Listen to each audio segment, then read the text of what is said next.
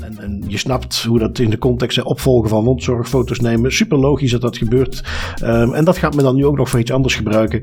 Uh, in dit geval om het uh, eenvoudiger te maken. En dat vind ik het grote verschil. Als dit nu ineens was van oké, om terugbetaling te krijgen, moet voortaan iedere patiënt toestemming geven om foto's van zijn wond te laten maken. Dat vind ik een heel ander verhaal. Hallo en welkom bij Das Privé, jouw wekelijkse privacy podcast. Iedere aflevering praten we je bij over het reilen en zeilen in de wereld van privacy. Digitale spionage, boetes, datalekken, nieuwe technologie, privacy tools, oftewel alles dat er in een week gebeurt in privacyland. Ik ben Bart van Buitenen en samen met privacy playboy Tim van Haren hebben wij het privacy nieuws van deze week gecureerd en eruit gehaald wat er echt toe doet. Update rond de datakluizen. Iemand van het datanutsbedrijf die uh, heeft me toch nog wat info bezorgd. Die contacteerde mij naar aanleiding van ons item in de vorige uitzending. Ik had er ook iets over op LinkedIn gezet. Um, dat wil ik zeker nog even meenemen. We kijken ook naar nieuws uit de thuiszorg. In uh, België haalden we op een aantal websites uh, nieuwsberichten rond het moeten nemen van foto's om terugbetaling te krijgen van uh, wondzorg. Daar gaan we even bij stilstaan. Apps bouwen voor de politie. Natuurlijk altijd een uitdagingje. niet eenvoudig met gevoelige info. Dus ook immer beter zorgen dat het veilig is. En uiteraard hebben we een voorbeeldje uit de Verenigde Staten dit keer van een app die al jarenlang zo lek als een zeef is. Daar kijken we even naar. Um, voor de verandering, je moet af en toe wat afwisseling hebben, hebben we nog eens een Nederlandse overheid De douane nu, die voor de zoveelste jaar, voor de zoveelste jaar rij een slecht rapport krijgt rond de omgang met persoonsgegevens. Dus ja, genoeg variëteit waarbij uiteraard nog wat autoriteitennieuws, datalekken niet zullen ontbreken. Uh, maar we beginnen met uh, de update, Tim. En ja, we gaan onze 101ste aflevering. Ik blijf het leuk vinden om te zeggen, Tim, dat wij nu 100 afleveringen hebben gedaan. Vanaf dan begin je toch een beetje mee te tellen in het podcastwereldje, vind ik. Wat jij? Dat blijft toch altijd wel een gek gegeven dat we hier al bijna twee jaar mee bezig zijn nu. En dat we, ja, hier nog altijd zitten. En dat, en dan moet ik er ook wel bij zeggen, de, um, het is allemaal superleuk, het is allemaal fantastisch, maar het enige dat mij een klein beetje zorg begint te, te baren is de progressie van de nicknames die je me geeft. Privacy Playboy, really? Ja, ja, ja. Waarom niet? Jij bent uh, van ons tweeën de knapper en je bent bezig met privacy. Hoppakee, privacy playboy. Binnenkort als privékalender in de aanbieding. Laten we de mensen dat niet aandoen. um, even zien. Maar dus... Uh, 100 afleveringen, daar zie je ook heel veel evalueren. En een van de dingen die we daar zien evalueren is um, vanuit Vlaanderen. Het principe Vlaanderen radicaal is iets wat men ook wil doorvoeren in de datahuishouding. En dan kom je bij het datanutsbedrijf, waar we het vorige week ook al even over hadden. Um, want toen haalden we er een berichtje bij van onder andere tweakers.net, waarin men schreef, ja, uh, Microsoft is er nu ook bij gehaald en die gaan de beveiliging doen. En ja, daar stelde ik me wat vragen bij. Uh, of je zo'n partij als Microsoft er wel bij wilt hebben, uh, of je hebben niet een soort vendor lock-in creëert. Um, ik geloof dat wij ook even kort benoemden, maar ik heb het niet opnieuw beluisterd. Dat wij zeiden van ja, god, maar misschien is het uh, eerder gewoon integratie met hun apps. Um, klopt. Nou, ik ben even gecontacteerd door iemand van het datanusbedrijf, een van de managers die daar werkzaam is. Um, en die liet mij ook al weten van ja, in het artikel van Tweakers op net staan toch enkele onjuistheden. Um, uh, heeft heel nadrukkelijk bevestigd dat Microsoft niet echt in een soort samenwerking rond de datakluis zelf gaat zitten. Die gaan dus ook niet instaan voor de beveiliging. En dat stond er echt wel letterlijk zo in het artikel van Tweakers.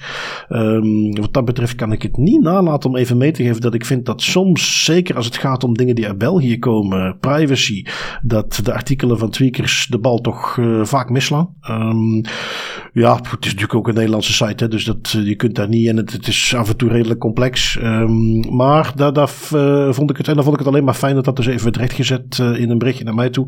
Um, wat ze dus wel gaan doen, en dat is iets wat ik eigenlijk gewoon graag hoor, is dat, dat vooral contact met Microsoft is in de context van interoperabiliteit. Dus zij willen zorgen dat Microsoft zelf ook, dat apps die zij aanbieden, dingen die, zonder dat dat vanuit het datanusbedrijf zelf komt, maar die Microsoft aanbiedt, die gaan praten met die kluis, dat dat gewoon goed werkt. En uh, dat soort afstemmingen zijn dus dingen die ze nu zijn gaan doen.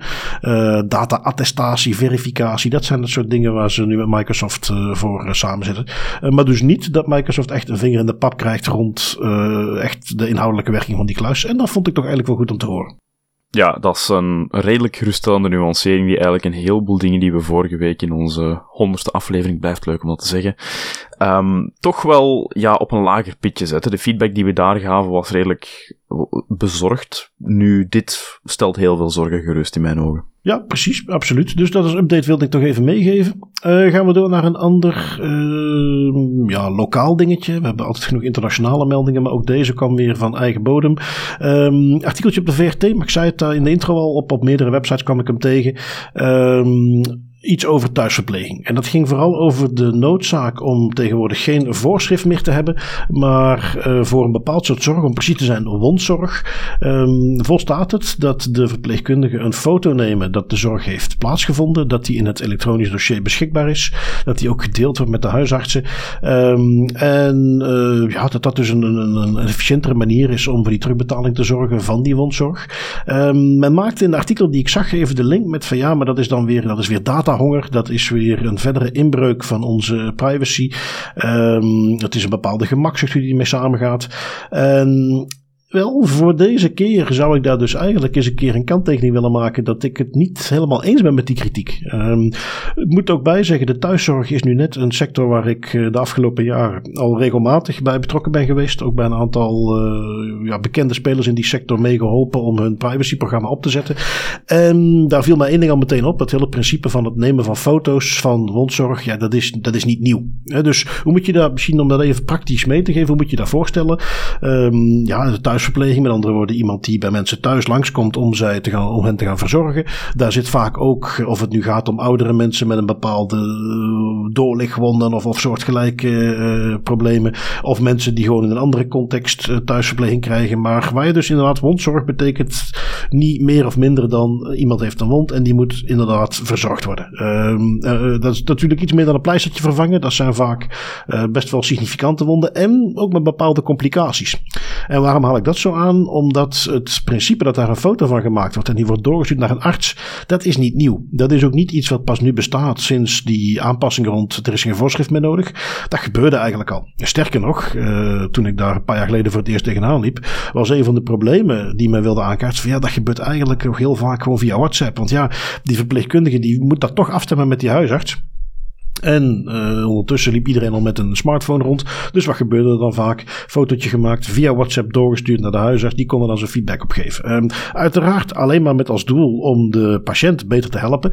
Maar goed, op het moment dat je mij hoort zeggen, werd dat via WhatsApp even doorgestuurd. Daar zijn meteen allerlei problemen uh, privacy technisch. Um, dus daar was men zich van bewust en zijn gaan kijken of hoe kunnen we dat beter gaan doen. En men is gaan kijken, je hebt bijvoorbeeld ook een tooltje dat heet Silo. Dat is een soort WhatsApp-clone, maar specifiek voor de medische uh, context. Um, daar zitten ook bepaalde features aan toegevoegd. Zoals wat je bij WhatsApp natuurlijk niet kunt. Want als een privé toestel, dat is niet onder controle. Dat je dus een soort uh, gebruikersbeheer krijgt om te zorgen dat als iemand niet meer uh, in de thuisverpleging werkt of niet meer bij jouw organisatie werkt, dat je dat netjes kunt afsluiten. Dat foto's die gemaakt worden niet zoals standaard en dus ook met WhatsApp, dat die standaard worden toegevoegd aan de, de camera uh, gallery app, die ook geüpload wordt naar Google Drive of naar de iCloud. Maar dat het een apart kluisje zit op het toestel zelf.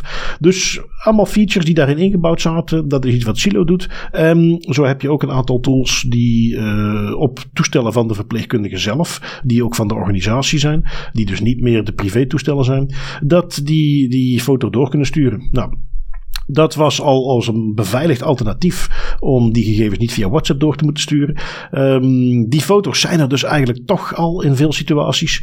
En nu heeft men dan gezegd van weet je wat, laten we dan de administratieve rompslomp die eraan vasthangt om vervolgens dan nog eens door de arts een apart voorschriftje te laten schrijven um, om die wondzorg te laten doen. Maar ja, we hebben die foto's toch al in veel gevallen. Je gaat die misschien nu in een aantal gevallen extra maken. Um, maar goed, uh, we gaan dat dus op die manier vereenvoudigen. En ik moet zeggen, daar ben ik niet per se tegen. Um, het gaat om, uh, in ieder geval de varianten die ik ken, om platformen die uh, gecheckt zijn, die pentests hebben gehad, die bekeken zijn op hun uh, um, ja, veiligheid. waar toegang krijgen gebeurt via um, dingen zoals met een EID-kaart of met It's Me of met soortgelijke, wel echt betrouwbare instrumenten. Wat meer is dan gewoon eventjes ergens inloggen met een pincode van vier cijfertjes. Dus zeker als je bekijkt waar men vandaan komt, vind ik dit eigenlijk best wel een goede oplossing. En, en, en er zullen, bedoel, men gaat er, uh, ik denk nu aan de systemen die ik heb gezien en die goed in elkaar zitten. Je moet natuurlijk voor zorgen dat uh, alle systemen in de thuisverpleging, want je hebt daar heel veel organisaties die erin actief zijn, die het goed doen. Maar het principe op zich, dat men nu een stukje administratie weghaalt om iets te gebruiken wat toch al in veel gevallen verzameld werd, moet ik toegeven, had ik niet meteen problemen mee. Nee, nee, ik ook niet. Dat is ook iets um, dat belangrijk is om over te waken, zeker als privacy professionals, is um, ja, altijd rekening houden met de context en zorgen dat je ook niet te veel doorslaat in dat ultieme idee van, van privacy en gegevensbescherming. Hè. Dat is, er moet een goede balans zijn tussen het beschermen van de gegevens van personen en langs de andere kant ervoor zorgen dat die personen bijvoorbeeld in dit geval de juiste zorg krijgen, de juiste verzekeringen krijgen. Het een mag niet doorslaan, maar het ander mag ook niet doorslaan. Het, het mag niet allemaal maar, er mogen niet zomaar gratuit persoonsgegevens en gevoelige gegevens verzameld worden om een bepaald doel te gaan bereiken, maar het mag ook niet zo zijn dat we alles maar gewoon klakloos moeten gaan dichtsmijten, omdat het voor een probleem zou kunnen zorgen. Er moet altijd een mooie balans zijn tussen die twee. Mhm. En dat is een moeilijke oefening soms om te maken, maar in dit geval zeker rekening houden met de context en het feit dat die gegevens eigenlijk al in een bepaald platform verwerkt worden, ja, het enige wat je hier eigenlijk mee creëert, is dat het de administratieve rondslomp kleiner wordt. Wat ja, in België zeker geen kwaad kan. En, en dat vind ik hier ook een belangrijk verschil. Dit is iets wat gedaan werd in de context van de zorg voor de patiënt. En waar men vervolgens zei, oh weet je wat, dat kunnen we dan ook gebruiken uh, om dit te vereenvoudigen. Uh, dus, en dat is een belangrijk verschil met, het is niet iets wat men nu heeft uitgevonden om extra te doen voor die terugbetaling. Uh, nee, dit is iets wat eigenlijk al bestond. En, en, en je snapt hoe dat in de context is opvolgen van mondzorgfoto's nemen. Super logisch dat dat gebeurt. Um, en dat gaat men dan nu ook nog voor iets anders gebruiken. Uh, in dit geval om het uh, eenvoudiger te maken. En dat vind ik het grote verschil. Als dit nu ineens was van oké, om terugbetaling te krijgen, moet voortaan iedere patiënt toestemming geven om foto's van zijn wond te laten maken. Dat vind ik een heel ander verhaal. Um, maar opnieuw, hier is iets wat in veel gevallen toch al gebeurde. Dus ja, hè, om dat ook eens een keer mee te geven. Dit is iets waar ik denk dat men de goede keuze heeft gemaakt tussen uh, de verwerking van gegevens, uh, terugbetaling, administratieve vereenvoudiging en privacy. Um, iets waar misschien iets minder de juiste afwegingen zijn gemaakt, is een appje wat voor de politie ontwikkeld werd in de Verenigde Staten. Um, iets, ja, opnieuw, je zou denken op het moment dat je een app maakt voor de politie, eh, de gegevens die daarin verwerkt gaat worden, dan begrijp je dat je daar heel secuur mee om moet gaan. Maar in dit geval, een bedrijfje wat Odin heet, had dat toch op een hele andere manier in gedacht. Uh, praat ons er eens doorheen, Tim. Ja, dat is een bedrijfje in Amerika, Odin Intelligence, en die maken eigenlijk um, verschillende law enforcement applicaties. En die hebben een flagship app, de Sweep Wizard app. Een Sweep Wizard app die is specifiek gebouwd om politiediensten te helpen bij het beheer van informatie um, tijdens het uitvoeren of als voorbereiding op het uitvoeren van een inval in een woning of in een plaats waar ze vermoeden dat er een criminele activiteit plaatsvindt. Nu, Zoals je misschien al kunt raden, dat is een applicatie waar best gevoelige gegevens in komen. Niet alleen van de agenten die die operaties moeten gaan uitvoeren, maar er komen ook gegevens in van verdachten, um, van, van de plaatsen waar die criminele activiteiten plaatsvinden, de tijdstippen van bepaalde operaties. Kortom, dingen die je toch wel op een bepaalde manier wilt gaan afschermen um, van het publiek. En daar um, is nu vastgesteld dat dat eigenlijk zo lek is als een zeef, die Sweep Wizard app. Het is namelijk Wired die ermee naar buiten kwam met een artikel over die app. Um, en die hebben eigenlijk ontdekt dat die applicatie op verschillende manieren um, ja, gegevens lekt. Maar er is één manier die eigenlijk naar buiten komt. Um, dat is de, er is een fout ontdekt in de Application Programming Interface, de API van SweepWizard. En een API is eigenlijk een, een tussenstukje tussen verschillende programma's, waardoor dat programma's met elkaar kunnen praten, zodat je eigenlijk informatie kan doorsturen of kan ontvangen.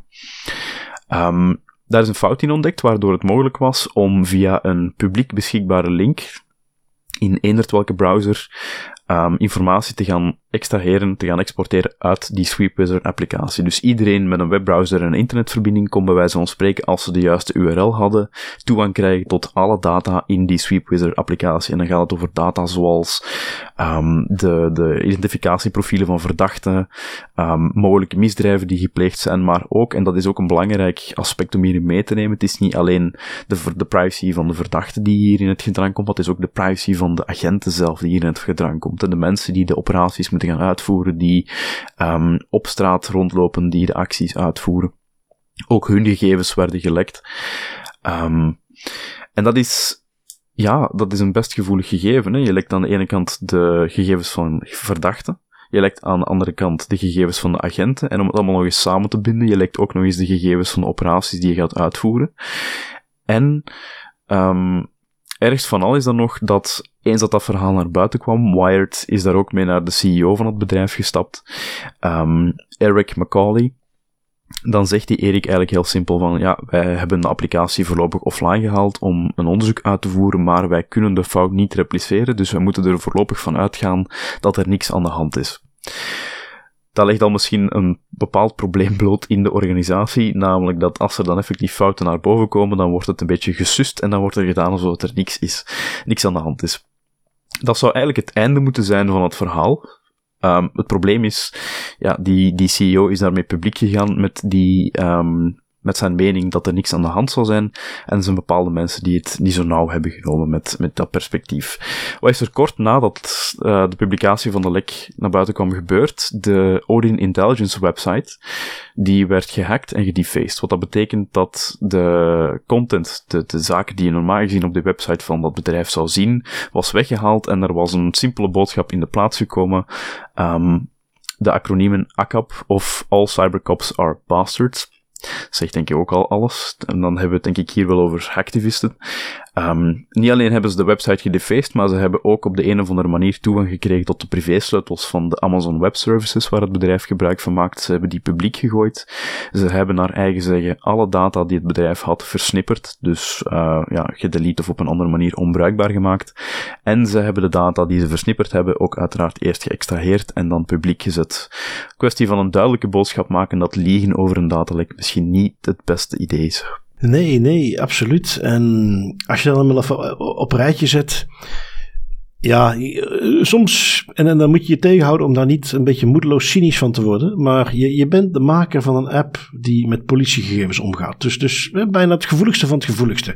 En dan, eh, ja, dat wordt ontwikkeld, uh, dat je ziet dat op veel plekken gebruikt wordt. Dan zou je toch verwachten, en dat is misschien ook wat me er zo aan stoort. Dit zijn geen dingen die na jarenlange analyse en doorgedreven hackingactiviteiten die men dan op een gegeven moment vindt. Als je ziet hoe dat beschreven wordt dat, dat, dat, dat lekte gewoon langs alle kanten. Daar, daar is geen fatsoenlijke pentest op gebeurd. En ik, ik kan er gewoon niet bij hoe je in zo'n context uh, met dat soort gegevens uh, zo'n app maakt. En dat die, dat die niet echt van binnen en van buiten uh, gekeerd is door, door security experts. Ik, ik snap het, je bent een, um, pak een andere context, een start-upje. Die maakt een hippe app. En daar worden ook wat gegevens in verzameld. En wat fotootjes en dingen. Um, dat die, ik, ik vind nog steeds dat het zou moeten, hè, maar dat die dat niet hebben laten doen. Ik kan daar nog begrip voor opbrengen. Maar in zo'n context vanuit een, politie-app, politiegegevens. Um, en om die, even voor de volledigheid, uh, uit alles blijkt dat uh, de eigenaar van Odin het daar niet zo nauw mee neemt en de ernst ook niet van inziet. Maar tegelijkertijd, als je de politie bent en je maakt gebruik van zo'n app, ja, dan ga je toch ook zelf in, in, in, in je uitbestedingsdocumentatie, je aanbestedingsprocedure, je bestek, daar staat toch in uh, grote blokletters. Wij verwachten dat minstens één keer per jaar die app helemaal door de mangel wordt gehaald door een team van pentesters. Um, oh, ja, toch op zijn minst. En, ja, dat is dus helemaal niet gebeurd. En ja, als je dan vervolgens ziet, ik bedoel, de, de private keys van de Amazon Web Services, ja, dat is niet niks. Hè. Dan, dan is dat bedrijf echt volledig, uh, ja, zoals dan zo mooi heet, geowned.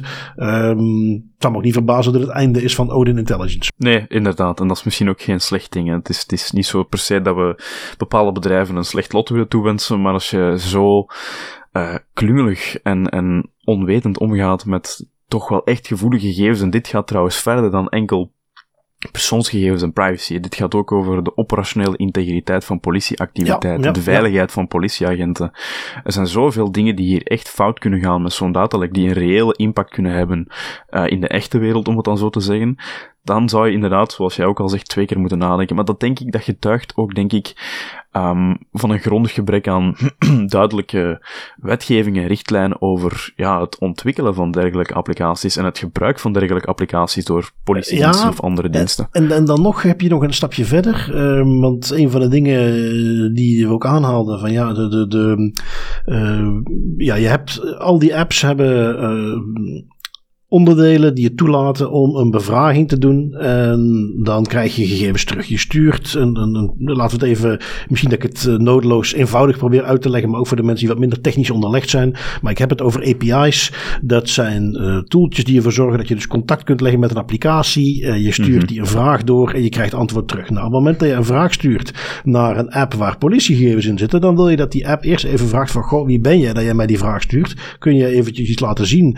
van een wachtwoord of iets anders wat jij van mij gekregen hebt, dat ik weet dat je daar toegang toe mag hebben. En deze app had dat dus volledig niet. De, de journalist in kwestie heeft het uit de Android-app gedownload, heeft die API bekeken en merkte dat hij vervolgens gewoon bevragingen kon doen en informatie terugkreeg. Ja, daar zijn normen voor die al uitleggen dat is heel erg foei om dit te doen op je app. En um, ja, dan zie je dus dat je hier, en daarom dat ik ook zou zeggen dat het echt niet slecht is als dit soort, de maker van deze app, ja, gewoon uh, bankroet gaat. Uh, iemand die op die manier omgaat met dat soort gegevens en dat soort absoluut basale security fundamentals niet meeneemt, die moet niet meer in staat zijn om zo'n soort app te maken. Zo simpel is het gewoon. Dat, dat, dat moet eigenlijk, weet je, we hebben daar jarenlang, hadden wij, als nu, ik moet even toegeven dat ik niet zeker weet of het is afgeschaft of in een andere vorm weg is, maar je moest een soort diploma halen, basiskennis bedrijfsbeheer.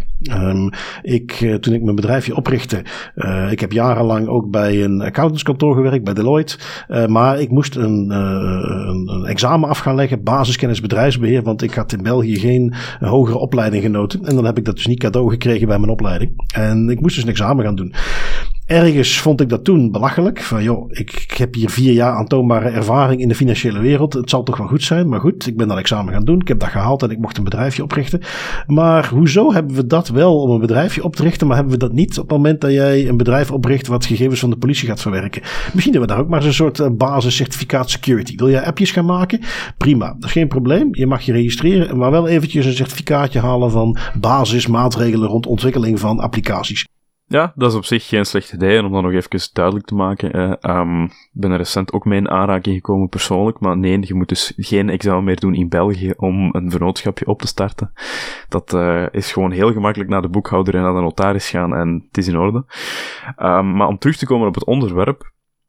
Ja, het, het, het is gewoon inderdaad, er is een grondig gebrek, dat is keer op keer duidelijk geworden. Um, bij, en zeker bij een aantal start-ups ook, er is een grondig gebrek aan kennis over informatieveiligheid en gegevensbescherming. En dat leidt tot dit soort fiasco's, die een, een grootschalige impact kunnen hebben op alle betrokkenen die nu bij dat datalek aanwezig zijn. Het uh, doet mij trouwens denken, was dat ook niet deze week in het nieuws, dat men uh, cybersecurity profielen, dat men dat als een knelpuntberoep wilt gaan ja. herkennen, omdat er zo'n uh, behoefte aan is.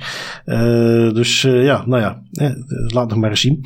Um, Oké, okay, we gaan even door, we gaan wat dichter bij huis. En um, ja, we hebben het over de douane in Nederland. Um, en, en ik zat me wel te bedenken, Tim, voordat ik weer begin met gewoonlijk riedeltje van, ah, wat is dat toch met die Nederlandse overheidsentiteiten? Dit is trouwens niet wat niks met algoritmes te maken heeft. Dus in die zin uh, is het ook iets anders. Maar, en dat is iets wat ik toch uh, ook eens even wil belichten. Dit soort dingen komen in Nederland ook gewoon naar boven. Um, daar worden kamervragen over gesteld. Daar wordt vervolgens over gepubliceerd. En, um, want ik weet heel zeker dat zeker voor hetgeen wat we nu gaan aanhalen, dat is echt geen exclusief Nederlands ding. Dan met die algoritmes en die antifraude, daar kon je nog van zeggen. Hè, we, we hebben zelf ook wel eens wat bevragingen gedaan. Openbaarheid bestuur bij overheden in België. Men is daar gewoon niet op die manier mee bezig. Um, maar uh, dit is iets wat in België net zo goed kan gebeuren, maar waar men gewoon veel minder transparant over is. Ik weet zeker dat dit bij een heleboel overheidsentiteiten op dezelfde manier terugkomt. Waar heb ik het over?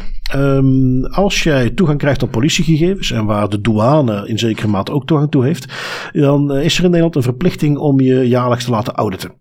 Um, die, die wet schrijft uiteraard een heel aantal dingen voor die je op orde moet hebben om met die gegevens om te gaan.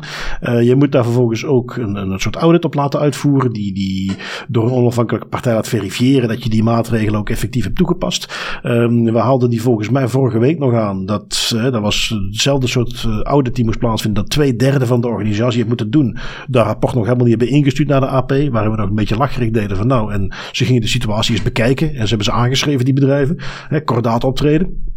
Nu goed, de douane is uh, ook een organisatie die zo'n rapportage moet maken. Uh, zij hebben die rapportage wel gedaan. Uh, maar daar komen vervolgens gewoon ja, een beetje schrijnende conclusies uit. Um, de, de, de, douane heeft bijvoorbeeld geen systeem om te bepalen welke persoonsgegevens wel of niet uh, werden verzameld. En omdat iedere douanebeambte een beetje zijn eigen afweging mag maken over welke soort gegevens die daar uit wil halen of wil gebruiken of nodig heeft. Um, ja, dat strookt niet met een van de basisprincipes van onze wetgeving rond privacy, namelijk het moet proportioneel zijn. En daar kun je alleen maar bepalen als duidelijk vaststaat, deze gegevens hebben we nodig. Niet als iedereen dat zelf een beetje mag weten. Um, wat voor maatregelen ze dan namen om die gegevens te beveiligen, het autorisatiebeleid dat ze hadden, uh, algemene richtlijnen, uh, die waren niet voldoende uitgewerkt, waren niet voldoende toegepast. Um, de staatssecretaris die daar vervolgens iets over moest zeggen, die noemde de situatie ernstig. Uh, die gaf ook aan dat de verwerking van gevoelige persoonsgegevens een grote zorgvuldigheid vraagt, die dus op dit moment mist bij de douane. maar gelukkig gaat daar hard aan gewerkt worden, want men komt met een verbeteringstraject die dit allemaal gaat oplossen. Waarbij ik nog even moet vermelden dat dit niet de eerste keer was dat die audit werd uitgevoerd. Dat er ernstige tekortkomingen waren. Het was, als ik me niet vergis, al voor het derde jaar op rij dat daar uitkwam dat dat niet goed gebeurde. Waarbij je dus ook hier wel even de vraag moet stellen van, is het niet tijd voor een iets strenger optreden dan een verbeteringstraject? Ja, mijn, mijn vraag zou meteen zijn om dan nog wat door te trekken van wat gebeurt er als douane dat niet doet? Als het, het verbetertraject niet opvolgt of als ze niet voldoen aan de audits, zijn daar bepaalde consequenties aan verbonden? Is, doen ze gewoon hun werk verder? Ik, ik, kan me niveau, ik kan me heel moeilijk voorstellen dat op een bepaald moment men gaat zeggen van wel jongens, we moeten douane opdoeken, want ze voldoen niet aan hun audits. Wel, en, en mocht daar een, een, Nederlandse luisteraar zijn die daar wat meer inzicht op heeft, hoor ik dat heel graag. Maar uh, wat ik dus niet heb uitgezocht, maar ik uh, heb de indruk dat dit komt uit de bevoegdheid die wel bij de AP ligt. Namelijk het mhm. opvolgen van die auditrapporten. Maar dat sanctioneren op basis van die auditrapporten, of zoals we eerder bespraken, het ontbreken van die auditrapporten, zit volgens mij niet in de klassieke bevoegdheden die de AP heeft. Die kunnen daar geen boete voor opleggen. Neemt natuurlijk niet weg dat dat rapport zelf, de inhoud daarvan, geeft wel een aantal duidelijke schendingen weer. Een aantal duidelijke issues waar de AP in het verleden al wel boetes voor heeft opgelegd aan andere organisaties. Um, en in tegenstelling tot in België kan de AP wel degelijk boetes opleggen aan uh, overheidsentiteiten. Wat ze bij de Belastingdienst, die hebben een miljoenenboete gekregen. Uh, dat lijkt me toch iets waarbij je hier zou zeggen, jaar na jaar, van wordt dat niet eens tijd dat je dat ook bij de douane doet, uh, beste AP. Um, ja, daar heb ik hier niks van voorbij zien komen of signalen gelezen dat men daar inderdaad onderzoek naar doet. Dat kan natuurlijk ook nog komen. Uh, hou daarbij wel in gedachten, ja, de AP is inderdaad, die, die mogen overheden boetes opleggen. Hebben dat bij een aantal schrijnende zaken op de Belastingdienst ook gedaan. Maar voor de rest zijn die echt heel erg karig met het uitdelen van boetes. Ja, en over het algemeen zijn ze ook redelijk um, traag bij het verwerken van, van, van dossiers. Dat hebben we ook al gemerkt. Maar het is inderdaad wel gehaald aan een goed punt aan het begin van, um, van, van dit stukje. Namelijk, dit soort nieuws of dit soort informatie komt in België veel minder snel naar boven. Het moet echt al de, de, de pan uitswingen voordat we in België gaan zeggen van nu gaan we hier transparant en publiek over gaan. En dat is jammer, want ja, hier zijn toch wel een aantal punten die nuttig zijn om te weten en waar je ook wel veel uit kan leren als andere organisaties. Ja, ja, ja en bij deze even een, want daar is vaak wel waar het vandaan komt, ook in Nederland, eh, even een warme oproep naar alle politici die deze podcast luisteren. Privacy is een hot topic. Daar kun je ook mhm. stemmers mee verzamelen. 2024 is nabij. Ga eens lekker de pers halen door hier eens wat vragen over te stellen. Uh, vraag het eens na hoe dat zit. Um, probeer daar eens wat transparantie in te scheppen. Uh, het is misschien voor jullie uit een tikkeltje populistisch, maar uiteindelijk doe je dit wel om een aantal dingen te verbeteren. Want er mogen best eens wat meer van die dingen naar boven komen. En ik weet zeker, zonder ga ik er meteen bij zeggen dat ik nu heel concreet in mijn hoofd aan iets denk. Waar ik weet van heb dat dat gebeurt. En, en waar ik denk, oh, daar moeten ze iets mee gaan doen. Maar sowieso dat er organisaties zijn die op dezelfde manier uh, daar niet goed mee omgaan. Um, ja, dat mag dan op zich best eens aan het licht komen. En dat dus als, als positief tintje. Ik heb echt wel het gevoel dat men daar in Nederland ook transparanter mee omgaat. Um, springen we weer even terug naar uh, Land of the Free, Amerika. Um, jij hebt nog iets meegenomen waar men in Arizona weer een uh, leuke manier had gevonden om de mensen wat beter in de gaten te houden. Iets financieels deze keer. Hoe pakte men het aan? Uh, wel, men pakte dat eigenlijk aan met de oprichting van wat ze zelf noemen een Transaction Record Analysis Center, of een TRAC. Uh, een coole acroniem natuurlijk, maar wat dat TRAC eigenlijk doet, um, is het opvolgen van financiële transacties van mensen die die transacties uitvoeren van of naar Arizona, California, New Mexico, Texas en Mexico zelf. En waarom doen ze dat? Wel, de, hun procureur-generaal in Arizona, die um, is al een tijdje bezig met een strijd tegen het witwassen van geld, tegen fraude en dergelijke. Uh, de usual suspects eigenlijk als het gaat over het opvragen van, van informatie over geldelijke zaken. Um, en die heeft eigenlijk via een bepaalde redelijk ingewikkelde procedure het voor elkaar gekregen dat Western Union en andere van die transactiebedrijven in de Verenigde Staten um, op een continue basis, als zij een dagvaardiging krijgen, verplicht worden om alle financiële transacties van een bepaald individu boven de 500 dollar, om die over te maken aan dat track, dat centrum, uh, waar dat dan allemaal wordt verzameld, waar het dan allemaal wordt opgeslagen en waar het dan ook ja, zeer uitgebreid wordt gedeeld met verschillende politie-eenheden, uh, antifraude-eenheden en dergelijke. Dat is al een tijdje aan de gang. Um, denk een jaar geleden hebben we dat ook al eens meegenomen in de podcast, dat dat toen een zekere senator Wyden was die daarover toch wel enkele vragen had. En aan de alarmbel trok van jongens, volgens mij is dit volledig illegaal en kunnen jullie dit niet meer doen. En waarom zei hij dat dat illegaal was? Wel, um, het is zo dat um, op een bepaald punt in die ingewikkelde gerechtelijke procedure heeft de procureur-generaal Western Union en die andere bedrijven aangeklaagd. Dat is dan in de rechtbank werd dat uitgevochten. Ze zijn tot een schikking gekomen en Western Union heeft gezegd: fine, wij zullen alle transacties overmaken aan jullie voor vier jaar lang, boven de 500 dollar. Dat is een keer verlengd en dat is in 2019 stopgezet. Dat is niet meer verlengd na 2019. De procureur-generaal die um, had nog altijd zoiets van: ja, ik wil nog altijd mijn data kunnen krijgen. Ik wil nog altijd over de hele zuidelijke staten van de Verenigde Staten heen uh, een inzicht kunnen krijgen in alle transacties boven de 500 dollar door zo'n Western Union-achtige instanties. Um, en die is dan maar bij een aantal overheidsinstanties gaan aankloppen van hallo, kunnen jullie mij niet helpen om deze data te krijgen? Waaronder ook het Department of Homeland Security of DHS. Um, DHS is dan eigenlijk in naam van de procureur-generaal van Arizona die dagvaardigingen beginnen uitvaardigen aan Western Union. Um, volledig illegaal eigenlijk, als je, als je gaat kijken naar de, als de wetgeving in, in de Verenigde Staten. Um, werd ook bevestigd door die senator Wyden van dit kan echt niet door de beugel. Je bent, als we het hebben over een glijdende schaal, een procureur die ergens in 2006 begint met het opvragen van financiële data en dan uiteindelijk, omdat de wetgevingen het hem niet toelaten, dan maar naar het Department of Homeland Security gaat om het via via daar op te gaan vragen. Um, dat is echt een mooi voorbeeld van een glijdende schaal. Ja, uh, als je er wat uh, cijfertjes op naslaat, dan uh, wist de ACLU, die dan hiermee naar buiten kwam, dus mee te geven dat het iets is waar ze zelfs nog een beetje mee te koop lopen. bijna aanbieden. Hè, van kijk, kunnen jullie hier misschien nog gebruik van maken? Want kennelijk 440 local agencies, 80 state agencies, 53 federal agencies en 152 field officers van specifieke federale agentschappen hebben toegang tot, die, uh, tot dat systeem. Um, in één jaar, waar ze dan de documenten van bekeken, zagen ze ook terugkomen omdat ze daar informatie zagen over het aantal trainingen die gegeven werden. Dus waar mensen van Track, zoals het systeem heet, um, dus extern gingen om trainingen te geven over het gebruik daarvan. En dat waren dus 32 trainingen voor meer dan 500 nieuwe gebruikers. Dus je ziet dat het echt iets is waar ze flink mee uitpakten. Um, ik denk, Tim, dat het zowaar eventjes geleden is. Maar uh, volgens mij mag je onze slogan er nog eens in gooien. Wat dat ook exact de reden was dat ik het meegenomen. Hier komt hij dan. Thank God for GDPR. Want uh, ondanks waar wij uh, veel voorbij zien komen, um, algoritmes die gebruikt om dingen te onderzoeken, um, gemeentes of andere overheden die dingen verzamelen. Dat is nog niet van de omvang dat we dit hier nu zien. Hè? Dat nee. echt, en, en, en dan is dat vaak ook beperkt tot één entiteit. Uh, maar dat ze dat vervolgens ook nog eens gaan rondstrooien en uitdelen. Uh, en zelfs trainingen gaan geven van kijk, hier is ons stoeltje, zo kun je het gebruiken. Dat is toch uh, ook hier nieuw. Um, ja, dus goed.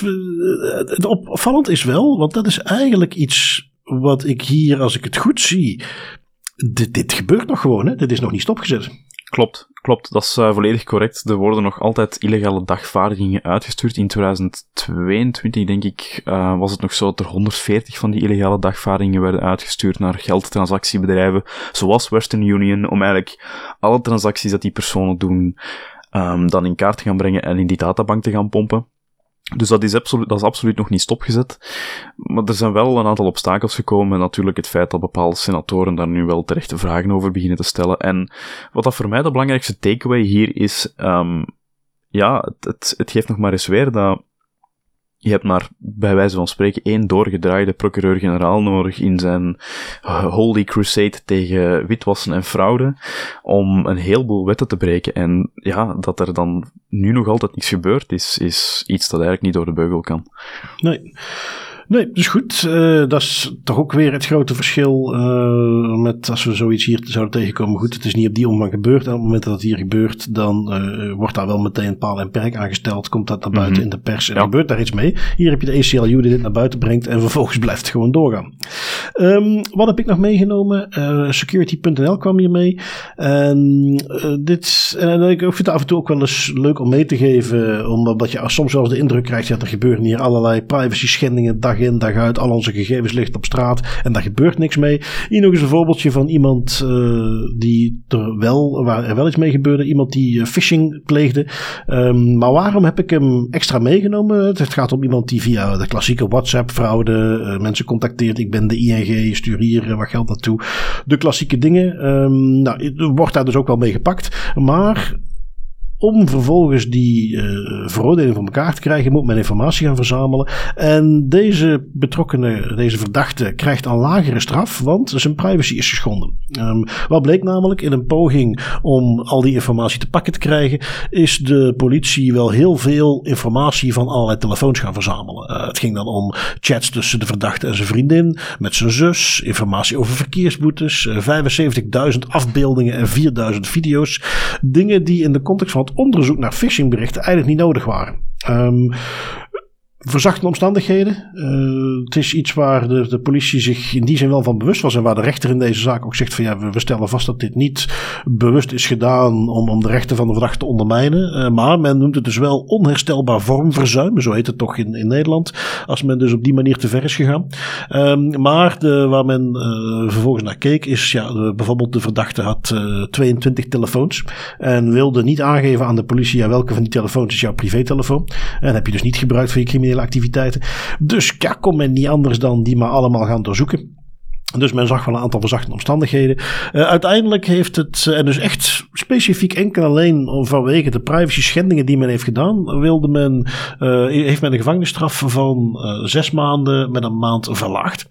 Um, dus ja, het doet me wel als heel klein uitstapje. Wat ik me dan wel altijd afvraag. Ik snap heel goed het moment dat er in het onderzoek wat gebeurd is. en daar zijn fouten gemaakt. dat degenen die fouten gemaakt hebben. dat die op hun beurt gestraft zouden moeten worden het blijft wel interessant hoe dat, dat betekent dat de overtreding die je dan hebt begaan ineens minder zwaar is. Die is toch helemaal niet veranderd. Um, van mijn part dat je een schade voor die moet krijgen voor het feit dat je privacy geschonden is. Gewoon dat als een apart feit gaan bekijken. Maar dat je vervolgens de straf die je hoort te krijgen, dat men dan gaat zeggen van ja, uh, maar dus hebben dat niet goed gedaan, dus we gaan die straf af verlagen. Dat vond ik toch apart. Waarbij ik nog, ik vind dat nog um, een verschil met iemand die uh, publiek aan de schandpaal genageld is omdat er lekken zijn geweest. En dat je zegt van ja, die heeft op die manier al een soort van straf gehad. Allah, daar kan ik inkomen. Maar gewoon zeggen van ja, ze hebben meer foto's van jou bekeken uh, dan eigenlijk nodig was geweest. En uh, dus gaan we een maand van jouw gevangenisstraf afhalen. Dat vind ik opvallend. Uh, maar goed, daar is misschien ook mijn gebrekkige juridische kennis, die niet helemaal snapt wat in elkaar zit, die daarin meespeelt. Um, gerechtvaardigheid en justitie is niet altijd hetzelfde natuurlijk. Nee, nee, ik ging het ook net zeggen. Ik, heb, uh, ik kan helaas de, het gebrek aan juridische kennis niet aanvullen, want dat is bij mij ook niet fantastisch. Uh, zeker als het niet gaat over gegevensbescherming, maar ik snap het ergens wel, want ja, en misschien komt dat ook omdat dat een beetje een, een verouderd begrip is. Hè? De, de geldigheid van bewijsmateriaal en procedurefouten en dergelijke. Dat dat um, misschien meer te maken heeft met het feit dat er dan geen misbruik zal worden gemaakt van bepaalde handelingen of van bepaalde informatie. En dat je op die manier eigenlijk gaat proberen om er ook voor te zorgen dat de personen die het onderzoek gaan uitvoeren, um, om dat, dat soort gedrag een klein beetje te weren. Ik weet het niet, ik ben maar wel aan het speculeren nu. Maar uh, ja, dus er valt misschien wel iets voor te zeggen voor het feit dat je dan misschien meer de fout, degene die de fouten begaan zou moeten straffen, in plaats van degene die een andere straf moet krijgen, eigenlijk gaat helpen. Ja, ja, ja inderdaad. Uh, goed, en, en om daar de, de bottom line waarom ik dit soort dingen meeneem, daar zitten toch echt wel gevolgen aan voor mensen die dit soort uh, grapjes uithalen. Twee andere mm. verdachten, die werden veroordeeld tot zeven maanden cel uh, en 150 dagen jeugddetentie, wat dus al insinueert dat dit een minderjarige was. Ja, dat is dan ook weer iets wat het kennelijk te makkelijk Maar goed, ook dat is toch gewoon een soort gevangenisstraf. En dus, als men met dit soort dingen gepakt wordt, gebeurt er toch wel iets mee. Het is niet helemaal straffeloos wat ze doen. Um, in een beetje dezelfde context. Um, je herinnert je nog dat wij het een tijdje terug hadden wij het over iemand die ja, wat men onderzoek ging doen met de Belastingdienst, omdat er bewijzen waren dat iemand gegevens daar, zoals rondnummerplaat, woonadressen en zo, uit het dienst haalde en doorverkocht aan het crimineel milieu. Um, die persoon heeft uh, een taakstraf gekregen. Uh, vonden ze dus met 920.000 euro vonden ze cash bij die persoon thuis. Um, uit, ook al waren dat gebrekkige logs bij de Belastingdienst, bleek dat die gegevens werden doorgegeven. Um, ja, misschien dat men die link niet één op één kon leggen. Dat, dat zal ook wel moeilijk zijn. Maar ja, je weet heel goed als het crimineel milieu jou vraagt om een nummerplaat op te zoeken en om een thuisadres erbij te geven. Dat is niet om een bloemetje op te sturen. Dat is om die persoon onder druk te gaan zetten. Um, dus ja, dat, dat, dat, daar blijf ik toch met een beetje een nagevoel zitten dat dat uiteindelijk maar gewoon een taakstraf is. Um, de 920.000 euro, misschien om, om dat nagevoel een klein beetje te laten afnemen. Um, de verdediging van de man in kwestie was van ja, ik weet niet hoe dat geld er is gekomen. Geen idee. Ja, jullie zeggen dat je 920.000 euro in mijn kast hebt gevonden. Ja, die, die moet daar gewoon, ja, ik weet het niet. Misschien iemand ingebroken, heeft die tas daar neergelegd. Ik weet het niet. Ik weet van niks. En dus hebben ze gezegd van oké, we kunnen het ook niet bewijzen, maar dan gaan we die 920.000 euro wel gewoon even meenemen. Dat is op het minste dat ze hadden kunnen doen. Hè. Dat, eh, dat, dat zou het echt, dat ze het volledige geloof in, uh, in de rechtspraak hebben weggehaald als ze hadden gezegd van wel, dan laten we het maar liggen. Ja, dus blij dat ze dat tenminste hebben gedaan. De taakstraf vind ik toch wel een klein beetje, um, gezien de potentiële impact die het zou kunnen hebben, het lekken van die info vind ik dat wel heel laag. Maar ja, daar hoor je het al, potentiële impact, om dat dan eigenlijk te gaan rechtstreeks gaan verbinden met het feit van we gaan dingen gaan opzoeken. Ja, dat is lastig. Ja, ik, ik, ik, ook, en, en dat is iets wat ik echt wel geleerd heb uit uh, ook heel veel publicaties die je de laatste tijd uh, van voorbij hebt zien komen. Uh, ik ga mij als leek niet meer uitspreken. nee, sorry, ik ga me er wel over uitspreken. Maar ik ga de kanttekening maken dat wij niet alle details kennen. En dat op het moment dat wij op basis van mediapublicaties denken van goh, dat is wel een hele lage straf. Dat we even in gedachten moeten houden dat er altijd factoren zijn die daar een invloed op kunnen hebben die wij niet kennen. dat is iets wat ik volgens mij. Ja, je had daar zo'n Twitter-account uh, Judge Joyce heet ze geloof ik. Van een Nederlandse rechter die daar wat extra toelichting vaak bij geeft. Uh, je hebt nog wel zo'n paar van die accounts. Maar ik heb daar echt uit onthouden van oké, ik kan misschien gevoelsmatig vinden, die straf valt hier wel heel laag uit. Maar ik ga, ja, we hebben niet voor niks rechters. Ik ga daar niet al te heftig uh, op ageren. Nu goed, opnieuw, dat mag best gezegd worden. Op het eerste zicht lijkt dit, ja, dat had veel erger uit kunnen pakken. Op het moment dat jij persoonsgegevens doorgeeft aan het criminele milieu. Dat je vanaf komt met een taakstraf. Dat valt mee. Um, even zien, wat hebben wij nog? We hebben, ik haal van de website van de KNIL, de Franse autoriteit. Maar iets wat toch eigenlijk gewoon Europees gepubliceerd is. Ze hebben namelijk twee dingen hebben ze over uh, gepubliceerd. Het onderzoekje wat men gedaan heeft naar de Europese uh, cloudsystemen, om precies te zijn, publieke entiteiten die gebruik maken van cloudsystemen. Denk aan een overheid die gebruik maakt van de Microsoft Cloud. Um, daar hebben ze een rapportje voor gepubliceerd. Vond ik eigenlijk niet zo spannend. Hè. Daar, daar komen meer gewoon een soort algemene aanbevelingen uit. Van, oh goh, beste overheid, als je dan in zee gaat met zo'n cloud provider, let even hierop. Ik ga ze niet eens hier overlopen. Dat zijn de standaard dingen die je daar tegenkomt. We hebben wel een linkje in de show notes opgenomen voor als je het wilt lezen. Um, wat ik wel eventjes mee wilde nemen is het, uh, in eenzelfde persbericht werd ook een publicatie van de Cookie Banner Task Force. Uh, dus we weten nog, Noip heeft daar een hele berg klachten ingediend. Ze hebben dan gezegd van dan gaan we toch eens even met z'n allen samen aanpakken als Europese autoriteiten. En uh, ja, daar hebben ze een aantal van de klassieke praktijken die je tegenkomt, hebben ze nog eens even aangehaald wat ze daar wel of niet goed aan vinden. Um, de klassiekers en, en in die zin dus iedereen die hier met marketingafdelingen moet praten. Of die op de een of andere manier moet uitleggen wat er wel niet mag in cookie banners. En waar men dan geconfronteerd wordt van ja, maar dit is een beetje grijs gebied. Um, dit is nog eens een keer en nu vanuit de Europese Taskforce een hele duidelijke uitleg met wat wel en niet kan. Um, een klassieker. Ik heb daar net deze week nog advies over gegeven. Um, op de eerste laag, met andere woorden, ik kom op een website, ik krijg de cookie banner pop-up. De eerste laag is wat ik daar zie, dus zonder door te klikken. Op de eerste laag wel een accepteer alles knop hebben, maar geen weiger alles knop. Mag niet. Is nu, wist iedereen al, maar staat nu eens een keer heel duidelijk op papier. Is niet de bedoeling. Um, de varianten waarin je vervolgens op de eerste laag op een soort meer info moet klikken. En waar dan in die volgende, het volgende schermpje alle soorten cookies standaard aangevinkt staan. Mag ook niet. Is volgens mij ook een flinke open deur. Eentje, die moet ik toegeven, die ja, waarvan ik altijd al zei, ik vind dat geen best practice, maar ik weet niet zeker of het puur wettelijk, of je er misschien mee weg zou kunnen komen. Daar zegt de EDPB nu dus van, uh, nee, vinden we ook niet uh, oké. Op het moment dat jij um, uh, cookie banner krijgt waarin een grote knop staat accept all en dan daarnaast als een linkje, maar dus hele andere vormgeving als een linkje weiger alles. Uh, wel, dat mag ook niet. Dat is een te duidelijk verschil in hoe het gepresenteerd wordt. Dat moet ook transparanter meegegeven worden.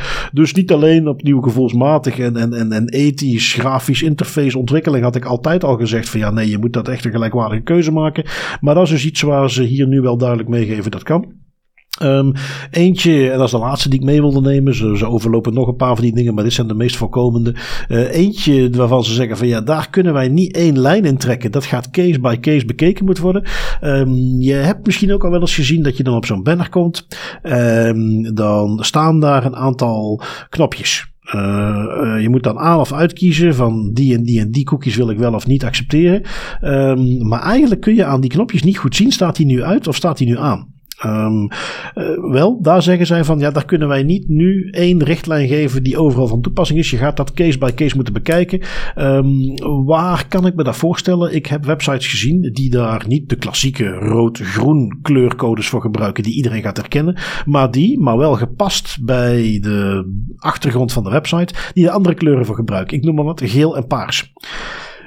Ja, dat je daar uh, onduidelijkheid mee kunt scheppen, geven ze wel toe. Maar zeggen ze, we kunnen niet puur vanwege dat soort kleuren gaan zeggen: dit mag wel, dit mag niet. We kunnen ook niet gaan opleggen: je moet groen en rood gaan gebruiken. Ja, dat is misschien het meest duidelijke. Maar dat kunnen we niet echt in een, in een soort uh, kant-en-klare richtlijn gaan afdwingen. Dus zeggen ze niet: dat is oké. Duidelijk niet. Daar zeggen ze gewoon: oké, die gaan we gewoon per keer moeten gaan bekijken. Want daar kunnen we niet één uh, eenduidige regeling over geven. Dus ja, dat over cookies. Um, iets waar we dan langzaamaan na jaren dat iedereen daarmee gepest werd. En dat men nu onderhand begint in te zien dat die cookies waarschijnlijk voor een groot deel gewoon moeten gaan verdwijnen. Want iedereen weet, en dat komt nu nog eens heel duidelijk naar voren, op het moment dat je mensen echt een keuze gaat geven tussen wil je getracked worden, ja of nee. De meeste mensen toch echt gaan zeggen: nee, dat wil ik niet. En dus het hele nut van die cookies. Want het was altijd een trucje om mensen erin te luizen om ze te kunnen tracken, dat dat gaat verdwijnen. Um, dus ja, in die zin alleen maar een goede ontwikkeling. Enige kritiek die je kunt hebben is, waar daar nou echt vier, vijf jaar voor nodig om dat uitgekristalliseerd te krijgen? Het antwoord is helaas ja. Um, we gaan door met de ICO, de Britse toezichthouder. Die hebben besloten dat ze hun werklast een beetje gaan verlichten op een iets wat controversiële manier, als ik me niet vergis. Ja, ja, die hebben eens goed gekeken naar hun interne keuken en gedacht van, goh jongens, we hebben hier toch wel heel veel werk met um, het behandelen van datalekken en dan specifiek van kleine datalekken. Dus dan zijn er een aantal opties op tafel komen liggen en ze hebben dan maar gewoon gekozen om de kleine datalekken niet meer te gaan behandelen. Um, dat is wat er dus op tafel is komen liggen, wat de ICO heeft beslist. Kleine datalekken, specifiek voor communicatie service providers, um, die worden geschrapt. Um, dat was een speciale regeling in, in het Verenigd Koninkrijk waarin dat stond dat communicatie service providers eigenlijk verplicht werden om elk persoonlijk datalek, hoe klein dat het ook mag zijn, binnen de 24 uur te gaan melden bij de ICO. Dus dat is eigenlijk iets dat nog veel strenger is dan de meldingsplicht die vanuit de GDPR-wetgeving kwam. Um, wordt die melding niet gedaan, dan kwam er eigenlijk een vaste boete van 1000 pond bij de rekening van de communicatieservice provider te liggen. Uh, de ICO heeft nu gezegd, nadat zij hebben vastgesteld dat zij duizenden van dergelijke kleine datalekken krijgen, om die meldplicht los te laten en daar niet meer op te gaan handhaven zelfs. Um, want in de meeste gevallen bleek het om een datalek te gaan waarbij dat bijvoorbeeld één persoon een verkeerde mail had gestuurd naar een andere persoon, um, een menselijke fout, en dat het redelijk snel op te lossen was, die incidenten. Um, en men stelde ook vast dat de providers vaak maatregelen namen om herhaling van die kleine datalekken te gaan voorkomen. Dat gezegd zijnde, vind ik het persoonlijke mening uiteraard. Hè. Er, er zijn heel veel zaken die hier spelen, ook op, logistiek niveau en de tijd en energie die ze hierin moesten steken. Maar als je op een bepaald moment vaststelt dat je heel veel energie en tijd verliest met het behandelen van kleine datalekken, zou ik eerder, puur persoonlijke mening natuurlijk, maar zou ik eerder neigen naar, ja, zorg dan dat je die intern sneller kan aanpakken. Plak daar een, een soort spoedprocedure op. Verspil daar dan niet te veel tijd en energie mee, maar behandel ze wel. Want het signaal dat je hier al geeft is wel, kijk, als het kleine datalekken zijn, dan is het allemaal zo erg niet. En dat is in dit geval, valt het nog best goed mee, maar ze geven hier wel een bepaald signaal mee dat al redelijk snel een heel vlak kan worden. Ja, het gewoon afschaffen ben ik het ook niet mee eens, maar ik, ehm, ik kan me er wel iets bij voorstellen. Uh, ik pak wel even als voorbeeldje meer, de, want dit is een hele specifieke Engelse context. Die moesten, in, die sector moesten zij dat binnen 24 uur melden, et cetera, et cetera. Maar ik pak even een ander voorbeeldje waar we allemaal kennen. Iedereen die al eens met incidentmeldingen te maken heeft gehad, die kent de klassieker. Uh, e-mailtjes gestuurd in CC in plaats van BCC. Zaten gevoelige gegevens in en dus is het iets waar we eigenlijk zouden moeten gaan melden bij de GBA. Uh, nou ja, zouden moeten gaan melden. Ja, nee, je moet dat melden bij de GBA, punt. Tegelijkertijd, ja, dit is duizend in een dozijn. Dat gebeurt zo vaak. Je weet ook, die komt bij de GBA binnen, die gaan daar niks mee kunnen doen. En het antwoord is toch altijd hetzelfde. Uh, en de dingen die je mee moet doen, zijn toch altijd hetzelfde. Analyse, of je die mensen daarover moet gaan informeren. Um, een training geven aan de mensen. Uh, let toch echt nog eens heel erg heel goed op op die CCBCC. Uh, eh, er zijn een aantal dingen die je daar standaard iedere keer gaat moeten kunnen doen. En ik kan me dus best goed voorstellen, bijvoorbeeld de GBA ook een richtlijn uit zou vaardigen van kijk, op het moment dat het om, ik noem maar even wat hoor minder dan 200 uh, uh, personen gaat, de minder dan 20 geadresseerden, uh, dus een paar karakteristieken meegeeft, ja, kom het dan alsjeblieft niet meer melden, want we kunnen daar toch niks mee doen, want dat gebeurt 10 keer per dag. Um, en, en, en ja, je ziet dat daar praktisch gebeurt er niks mee. En er zijn ook genoeg organisaties die dat soort dingen überhaupt niet melden. Um, dus ja, er, zit ergens al een link te leggen tussen ergens een beetje pragmatisch mee omgaan. Omdat het toch geen toegevoegde waarde heeft. Uh, het is iets waar je, zeker als het voor de eerste keer gebeurt, het aantal gevallen is beperkt, waar ook de GBA echt geen boete voor gaat opleggen. Um, dus ja, in die zin kan ik het wel snappen. Uh, maar dat is nog iets heel anders dan gewoon zeggen, weet je wat, we schaffen het gewoon af. Ja, ja, en ik denk dat de toegevoegde waarde hier ook vooral ligt in het, um, het meten van bepaalde trends. En dat je zegt van ja, oké, er is één keer iemand die in BCC of CC de verkeerde personen heeft gezet en daardoor lekke persoonsgegevens naar één ander individu. Dat op zich is echt geen ramp. De, de impact daarvan is ook in de meeste gevallen zal relatief laag zijn. Maar door het hier af te schaffen, die meldplicht, ga je toch in mijn perceptie ook iets anders afschaffen, namelijk die bedrijven gaan dit niet meer zien als een datalek, gaan het dus ook niet meer meenemen in hun, in hun register van datalekken of hun register van incidenten. Ook omdat ze het niet meer moeten melden naar de autoriteiten doen. Dus die verantwoordingsplicht die, die wordt veel losser op dat vlak. En daardoor gaan die bedrijven misschien op een bepaald punt missen dat zij dagdagelijks tien keer dergelijke datalekjes krijgen. En als je dat dan dagelijks hebt bijvoorbeeld, ja, 10 keer maal 365 is nog altijd redelijk veel. Ja, tegelijkertijd, uh, ik heb dat soort statistieken niet nodig om te weten dat er dagelijks mensen een mail in CC in plaats van BCC sturen. Nee, um, tuurlijk niet. Tuurlijk niet. Dat, dat, dat, is iets dat wij wel weten, maar als je dat wilt gaan rapporteren intern, is dat wel handig om die cijfers te hebben van kijk, dit is 10 keer per dag dat er iemand iets verkeerd stuurt. Um, hier kunnen we misschien iets aan gaan doen. En als die informatie weg is, dan is het een blinde vlek. Nou, nou ja, in ieder geval, uh, laten we zeggen, uh, een evaluatiemomentje om in te bouwen, x aantal jaar na GDPR, uh, administratieve vereenvoudiging, waarin we daar misschien wat nuances in kunnen mm -hmm. voorzien. Um, autoriteiten. You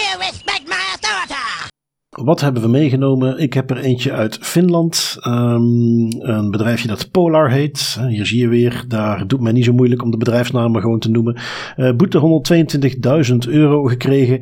Um, waar had dit mee te maken? Wel, een uh, bedrijfje dat niet op de juiste manier toestemming had gekregen. Die verwerkte onder andere Body Mass Index. Uh, dus ja, ik moet toegeven, ik heb het niet uitgevoerd. Maar als ik Polar zie, dan denk ik meteen aan de toch redelijk gekende maker van hartslagmeters en horloges en dergelijke Um, ik weet niet zeker of het dit, eh, dit ook is, want het, is, ik weet niet of dat een Fins bedrijf is.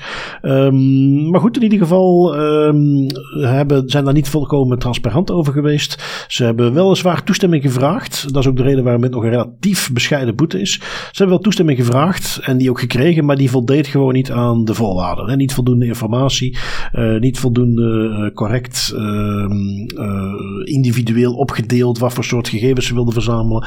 Um, en ik, ik, haal uit de beslissing gewoon dat de autoriteit hier wel zag: oké, dit is iets. Mensen gaven echt wel toestemming om die gegevens te verzamelen. Maar de manier hoe die toestemming werd verkregen was gewoon niet volgens de letter van de kunst. En dus 120.000 euro boete.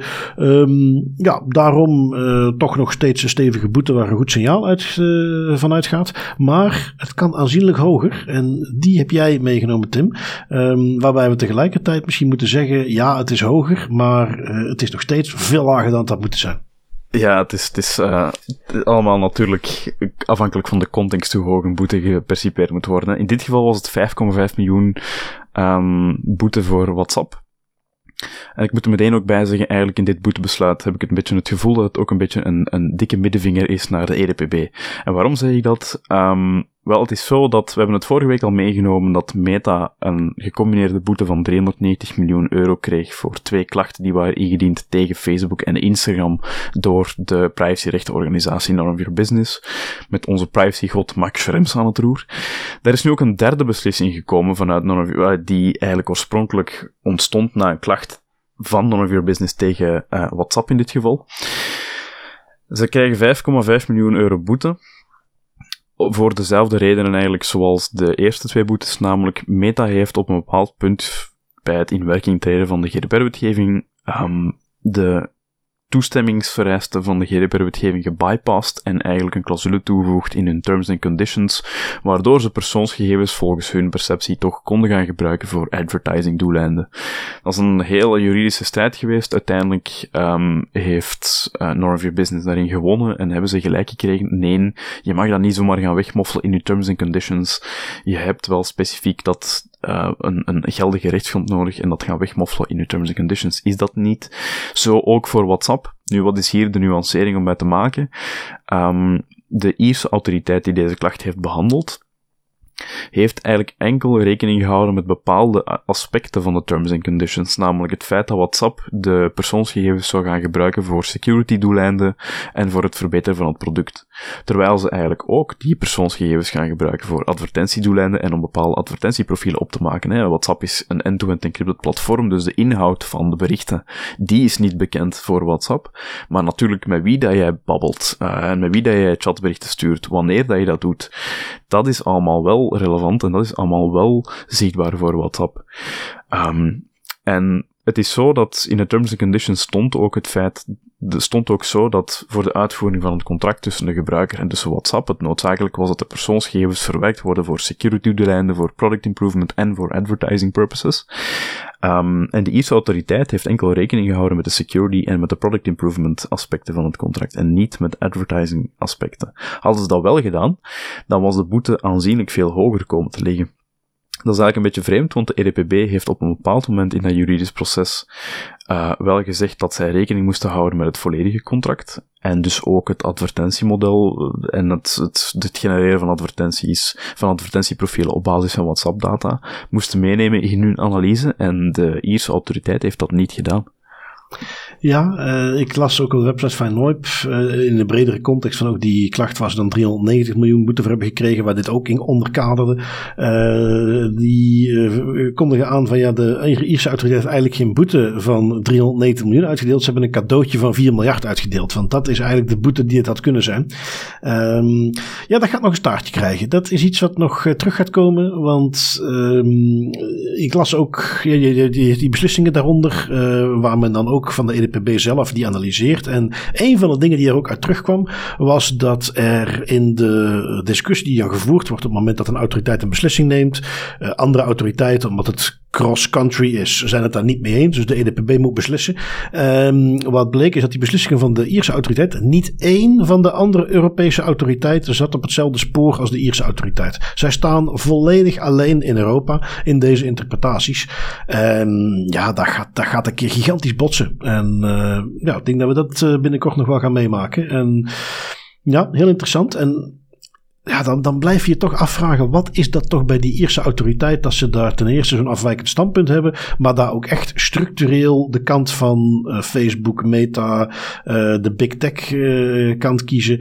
Zou dat dan echt, en, en, ja, wie weet gaan we het nooit weten, hè, maar wat ik, het eerste waar ik dan aan denk is, ja, de, dat al die bedrijven in Ierland zitten, is een gigantische bonus voor de Ierse schatkist. En vanuit de politiek staan die daar bij de DPC gigantisch onder druk om ja. hier altijd lekker soft mee om te gaan. Ja, het, het, het, moet al bijna zoiets gaan zijn, want het, het, is bijna onweerlegbaar jaar na jaar. Als het gaat over uitspraken van de Ierse autoriteit, komt datzelfde argument terug. De Ierse autoriteit, zeker tegen big tech bedrijven zoals Meta en Google en dergelijke, is veel te soft tot op een punt dat ze bijna moedwillig hun ogen gaan dichten voor bepaalde inbreuken, zoals hier duidelijk het geval is. Ja.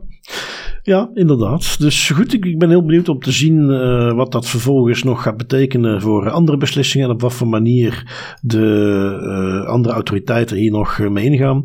Um, zeker als je dan even vergelijkt met, hè, want we hebben het hier dus nu over een boete van 5,5 miljoen, WhatsApp. Wel, ik heb een boete ook nog meegenomen van de KNIL, een boete van 3 miljoen voor gameontwikkelaar Voodoo, bekend van het hmm. spelletje Helix Jump. Heb jij daar wel eens gespeeld, Tim? Nooit van gehoord. Nou, ik, ik ook niet, maar natuurlijk moet ik dat in mijn zware research voor dit soort onderwerpen, moet ik dat eventjes erbij pakken en dat spelletje even spelen. Het is een ontzettend dom spelletje, met een, een, een uh, op en neer springend balletje wat je door gaatjes moet laten vallen. En oh. dan krijg je punten als je dat goed doet. Het is niet een mooi. Mobile game. Um, het is een mobile game. Ja. Um, dus ja, goed. Uh, Daar staan wij boven. Hè. Daar staan wij ten eerste boven. Uh, ten tweede is dat niet iets waar je een boete voor krijgt, al zou het best mogen, want geen leuk spel. maar waar krijgen ze wel een boete voor? Dat is dat zij een unieke ID koppelden aan iedereen die dat uh, spelletje installeerde. En dat bijhielden. En dat zelfs als jij de bekende pop-up die je nu op Apple telefoons tegenwoordig krijgt. Van hey, wil je toestemming geven dat deze jou kunnen tracken? En je zegt daar heel nadrukkelijk nee, die toestemming geef ik niet. Uh, gingen ze dat toch doen. Uh, zagen ze een omweggetje. Wat ook nog maar eens de potentiële tekortkoming van het systeem van Apple meegeeft. als iedereen zich netjes aan de regels houdt, dan werkt dat. Maar als een producent van een app gewoon zelf zijn eigen ID eraan koppelt. En dat gaat bijhouden en dat gaat uh, gebruiken voor gepersonaliseerde advertenties, wat Voodoo dus deed. Um, ja, dan, dan heeft het, lost het in die zin weinig op. Um, de KNIL heeft vervolgens een boete van 3 miljoen vastgesteld als ze keken naar het aantal spelers. het geld dat ze daarmee verdiend hebben. Um, ja, wat is nog maar eens benadrukt, dat ja, je hoeft geen heel goed spel te maken kennelijk om daar goed geld mee te verdienen. want in de Google Play Store is het dan 100 miljoen keer gedownload. Um, vanuit iOS. Uh, wat ze dus, dit soort getallen hebben ze meegenomen om de boete te berekenen. iOS wil daar geen gegevens over prijsgeven, dus daar weten we het niet van. Maar goed, Google Play Store 100 miljoen keer gedownload. Um, dat hebben ze dus meegenomen in het bepalen van de boete. Uh, eh, 3 miljoen. Ja, als je dat dan even afzet tegen die boete die WhatsApp heeft gekregen, dan ja, steekt het helemaal schril af wat die Ierse autoriteit dat doet. Um, ik heb er nog eentje meegenomen die, en ik ga hem redelijk vlot overlopen, maar die benadrukt nog maar eens in hoeverre de Ierse autoriteit soms alleen staat in hun analyses. Deze ging dan over Airbnb. Ja, iedereen die de afgelopen tijd bij Airbnb wel eens een keer iets gereserveerd heeft, is misschien opgevallen dat je je identiteitskaart steeds moet laten zien. En, die wordt dan ingescand en die wordt dan als je denkt, weet je wat, ik ben slim, ik haal mijn vinger er even voor of ik doe iets. Uh, Copy ID, de app die wij zelf ook aanbevelen, ja, die wordt dan gewoon niet geaccepteerd. Um, nu goed, daar waren klachten over ingediend. Um, uh, oorspronkelijk uit Duitsland, gaan dan via de, in dit geval Berlijnse autoriteit weer door naar de Ierse autoriteit, want ja, ook Airbnb zit in Ierland gevestigd. Uh, Um, en uh, de Ierse autoriteit heeft daar wel tegen opgetreden. En we zouden dus binnenkort moeten zien dat Airbnb die ID niet meer vraagt. Want dat is volkomen buiten proporties om een uh, uh, boeking van een appartementje te kunnen doen. Dat je meteen je ID moet doorgeven. Um, maar de Duitse autoriteit is niet blij met hoe dit uiteindelijk is opgelost. Want de Ierse autoriteit heeft hier gewoon een soort schikking getroffen. Um, voor 0 euro. Gewoon gezegd van ja, we gaan dit vriendschappelijk oplossen. amicable resolution noemen ze dat. En in de beslissing kun je nog lezen dat de Duitse autoriteit daar absoluut niet blij mee is. Omdat die vonden dat er eigenlijk een, uh, echt een boete aan had moeten hangen. Um, dus ja, om nog maar eens te benadrukken, de Ierse autoriteit ja, er moet iets zijn waarom zij helemaal alleen staan in de interpretaties van dit soort dingen. En dan kun je toch bijna niet anders dan ergens uh, politieke uh, druk achter voorzien. Eén ding wat dat misschien in de toekomst duidelijk gaat maken. Um, uh, Helena, god hoe heet ze? Helena Graham? Dixon? Dixon denk ik. Um, waar die heen gaat als haar termijn bij de DPC stopt. Dat gaat misschien een idee geven wat haar afwegingen waren. Naar de Bahamas met al dat big tech geld. Um, goed, dan zijn wij toegekomen aan de privacy pointers, Tim. En ik ga jou eerst laten. Jij hebt iets meegenomen, de Blacklight Tool. Ja, ik heb de Blacklight Tool meegenomen. Uh, de Blacklight Tool is eigenlijk een, een tooltje, een webpagina, waarin dat je een URL van elke pagina ter wereld kan gaan inpasten. En dat ding uh, scant eigenlijk op specifieke user tracking technologieën, zoals cookies, fingerprinting en dergelijke. Um, we hebben hem denk ik al eens meegenomen in de podcast. De reden dat ik hem nu nog eens meegeef is eigenlijk voor de Das Privé, Das Beter tip die er aanhangt, namelijk is best wel een nuttige tool voor awareness. Uh, zeker als je moet samenwerken met marketingteams of met mensen die vaak bezig zijn met dergelijke tracking technologieën. Um, om eens even mee te geven van ja, kijk, hoe gemakkelijk is het eigenlijk om, om te achterhalen op welke websites uh, ik heel uitvoerig getracked word en welke technologieën dat er eigenlijk achter hangen. Want dat is niet zo een gigantisch geheim zoals dat sommige mensen denken. Ik moet er meteen de caveat bij geven. Het is geen waterdichte tool. Uh, het is een heel gelikte tool. Het ziet er goed uit, maar het heeft af en toe problemen met het bypassen van de cookie banners op bepaalde websites, waardoor het misschien lijkt dat die website helemaal geen cookies plaatst of geen trackers plaatst. Terwijl hij dat eigenlijk op de achtergrond wel doet als je dan de, de leuke dark patterned cookie consent geeft. Um, maar voor awareness heeft het wel zijn doel, vind ik, en is het wel een iets leuks om mee te spelen. Ja, ja, absoluut. Daar is het heel nuttig voor. Uh, ik heb zelf ook um, ja, gewoon een beetje leesmateriaal meegenomen. Het heet de optoutproject.net. En die doen eigenlijk een beetje waar wij ook mee bezig zijn met onze tooltips en met ons projectje met de Graphene OS telefoon. Um, wel, die doen een beetje hetzelfde. Alleen uh, ze gaan daar op sommige vlakken ook wel verder in. En bekijken ook uh, operating systemen van zoals Sailfish. dus echt niks standaards meer zoals Android of, of iOS van Apple, maar iets, iets volledig anders.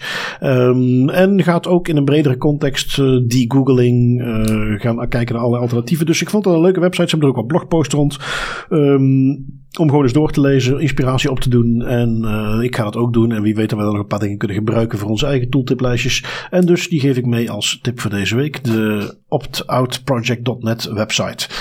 Tim, dan zit onze 101ste aflevering erop. Um, ja, het was me weer waar genoeg. We gaan dat denk ik nog een stuk of negen afleveringen kunnen zeggen en dan moeten we er echt wel mee stoppen. ja, dan kan ik alleen subtiel in de intro de 100 en zo 100, aflevering. 130ste aflevering. Uh, ja, misschien dat ik er vanaf nu gewoon uh, getalletjes steeds bij ga plakken. En dan kunnen we het toch blijven doen. Nee, maar ja. um, wij doen het volgende week natuurlijk weer gewoon opnieuw. Beste Absoluut. luisteraars, andermaal bedankt om te luisteren. En Tim, ik spreek jou volgende week. Tot volgende week.